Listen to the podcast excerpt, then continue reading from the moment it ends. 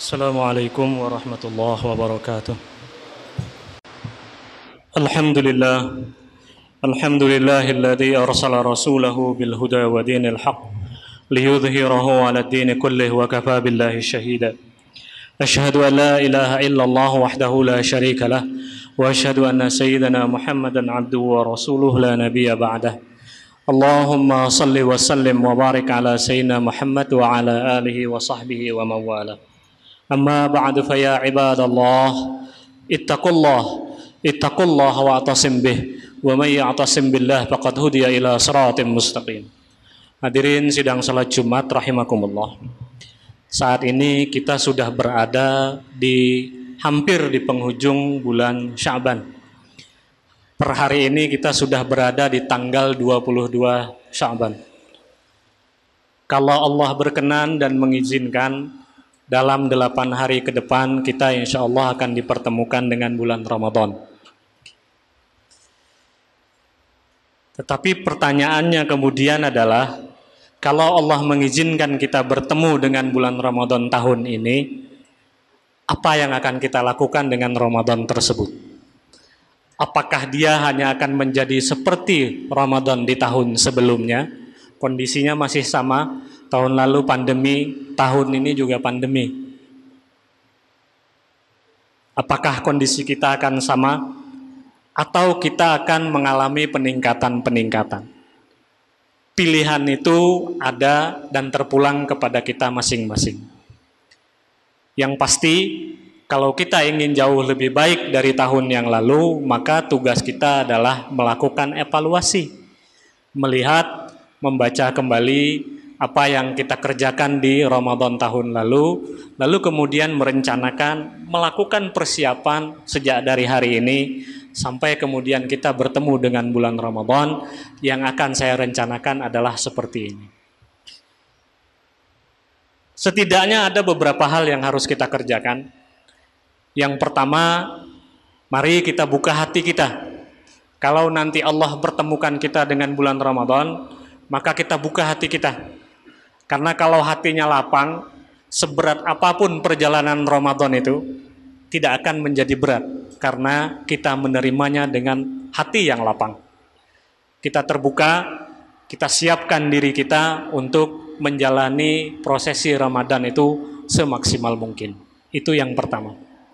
Yang kedua, kita evaluasi kembali, kita lihat kembali bagaimana niat kita. Kalau kita belajar dari Rasulullah, Rasulullah di menjelang penghujung Ramadan ah, Sya'ban ini biasanya meriorientasi para sahabat. Para sahabat diberikan penjelasan termasuk misalnya dalam hadis yang kita baca Nabi menjelaskan bahwa qad ja'akum Ramadan wahai para sahabat Ramadan sudah tiba. Syahrun mubarakun. Ramadan adalah bulan yang mulia. Gitu yubtaridu fihi siyam. Di saat itu Allah wajibkan kepada kita sebagai orang muslim kata Nabi kepada para sahabatnya untuk berpuasa. Lalu Nabi menjelaskan bahwa pada Ramadan itu pintu-pintu surga dibukakan pintu neraka ditutup. Para iblis pun dibelenggu oleh Allah Subhanahu wa taala dan seterusnya. Nah, yang dilakukan oleh Nabi ini untuk para sahabatnya adalah mengorientasi para sahabat bahwa Ramadan itu bukan bulan biasa-biasa saja. Maka di hadis di ujung hadis itu bahkan ada ikatan yang menjelaskan, sungguh rugi orang yang tidak memanfaatkannya semaksimal mungkin. Pada saat fasilitas Allah berikan tetapi manusia tidak mengindahkan fasilitas itu, maka ruginya sangat luar biasa. Kira-kira begitu. Nah, itu niat. Maka pada konteks kita sekarang menjelang Ramadan yang insya Allah Allah berikan kesempatan kepada kita semua untuk bisa bertemu. Amin. Allahumma amin. Maka sejak dari awal kita tanamkan niat kita agar kita bisa memanfaatkan Ramadan tahun ini jauh lebih baik dari Ramadan di tahun-tahun sebelumnya. Bahkan kalau perlu di hari pertama Ramadan itu kita sudah pasang niat saya akan puasa Ramadan tahun ini satu bulan penuh Niat saja dalam Islam sudah tercatat sebagai sebuah amal yang baik. Kalau nanti Allah berkenan dan kita melaksanakan satu bulan penuh lengkap dengan rangkaian-rangkaian eh, prosesi ibadah yang lainnya, maka itu sudah suatu tambahan yang luar biasa. Maka dari awal niat kita harus kita tanamkan dengan baik, kita luruskan, kita evaluasi dan kita komitmen dengan evaluasi itu. Itu yang kedua. Yang ketiga, kalau kita belajar dari caranya Nabi dan para sahabat dan para ulama, yang diperbanyak oleh mereka menjelang akhir Syaban ini, kalau Nabi bahkan sejak Rajab ya, adalah berdoa. Tentu berdoa yang baik. Tetapi kalau kita baca panduannya hadis, eh, Nabi berdoa bahkan sejak Rajab, walaupun status hadisnya lemah, uh, Imam Nawawi dalam Al-Azkar tetap mencantumkan hadis ini. Uh, karena pertimbangannya uh, dia berkaitan dengan fadailul amal bukan hadis yang berkaitan dengan substansi boleh tidak boleh. Tapi tidak ada salahnya kita berdoa. Apalagi kalau doa itu meniru yang dilakukan oleh orang-orang baik. Nabi sejak Rajab berdoa. Doanya pendek bisa kita hafal, bisa kita ingat. Allahumma barik lana fir Rajab wa Sya'ban wa ballighna Ramadan. Ya Allah, berikanlah keberkahan kepada kami di bulan Rajab yang sudah lewat dan Sya'ban yang sedang kita jalani wa ballighna dan sampaikanlah kami sehingga kami bisa bertemu dengan bulan Ramadan. Doa pendek, mudah kita hafal, bisa kita ingat. Tetapi yang paling substansial dari doa yang pendek itu adalah komitmen kita. Kenapa? Dalam kata-kata barik lana itu tidak sesederhana kita minta diberikan keberkahan. Berkah kata Imam Al-Ghazali dalam Ihya bermakna ziyadatul khair, bertambahnya kebaikan. Maka pada saat yang sama ke kita ketika kita meminta Allah berikan keberkahan itu kita harus evaluasi apa yang harus kita evaluasi? Ketika kita meminta kepada Allah diberikan keberkahan, ditambahkan kebaikan, maka kita harus lihat apa yang sudah kita lakukan sehingga Allah layak memberikan tambahan kepada kita. Apa yang sudah kita jalani?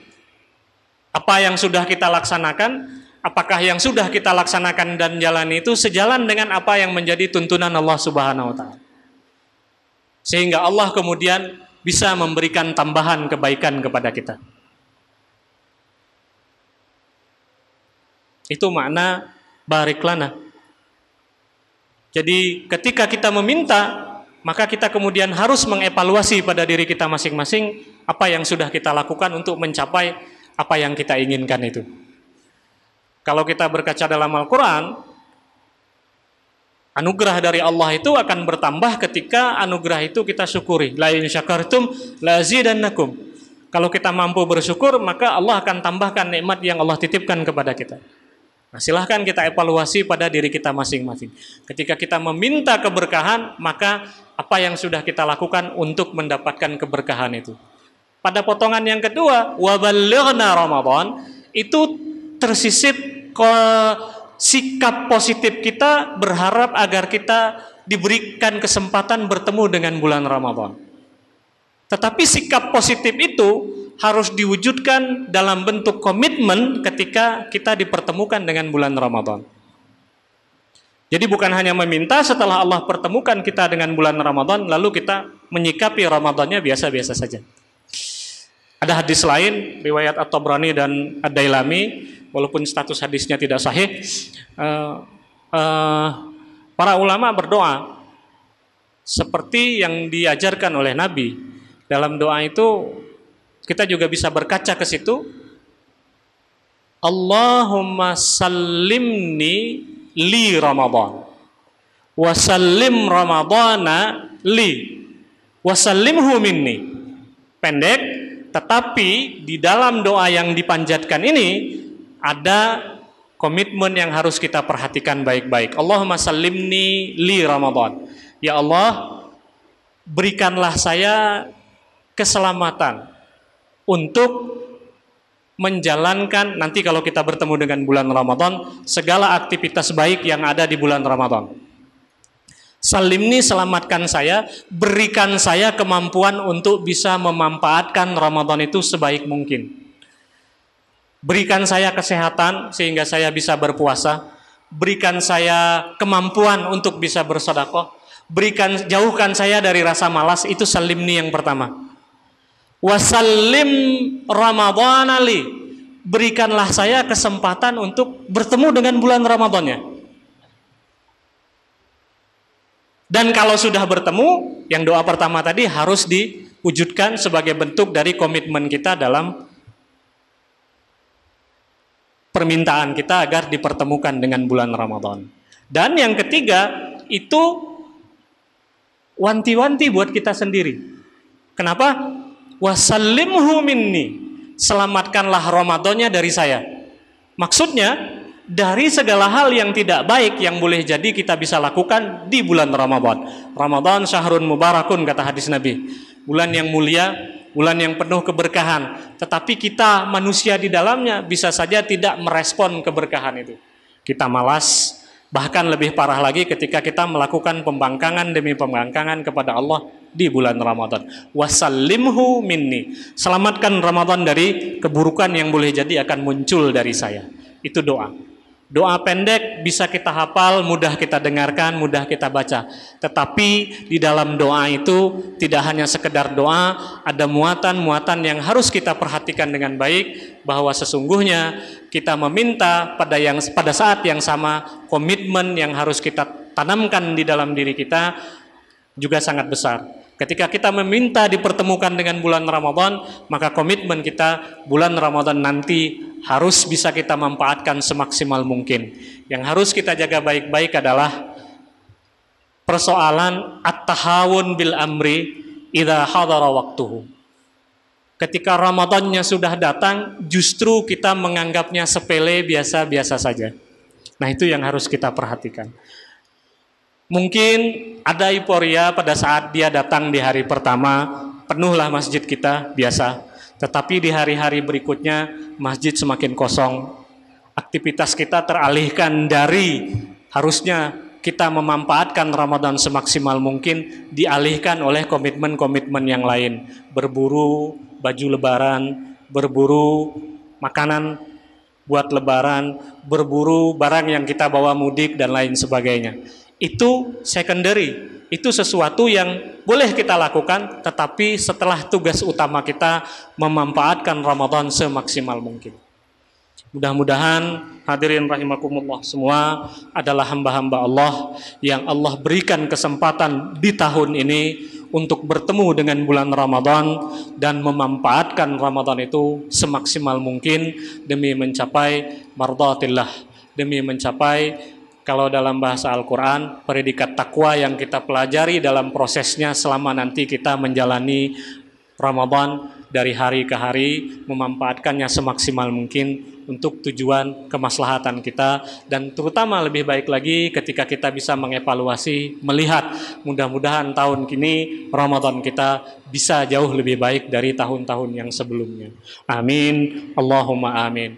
Barakallahu li wa lakum fil Qur'anil azim wa nafa'ani wa iyyakum bima fihi minal ayati wa dzikril hakim wa taqabbala minni wa minkum tilawatahu innahu huwas samiul alim wa kul ghabbir warham wa anta khairur rahimin.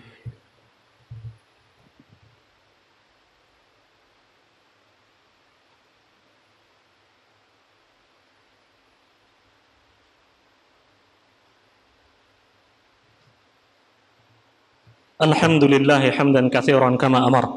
أشهد أن لا إله إلا الله وحده لا شريك له إغراما لمن جهد به وكفر.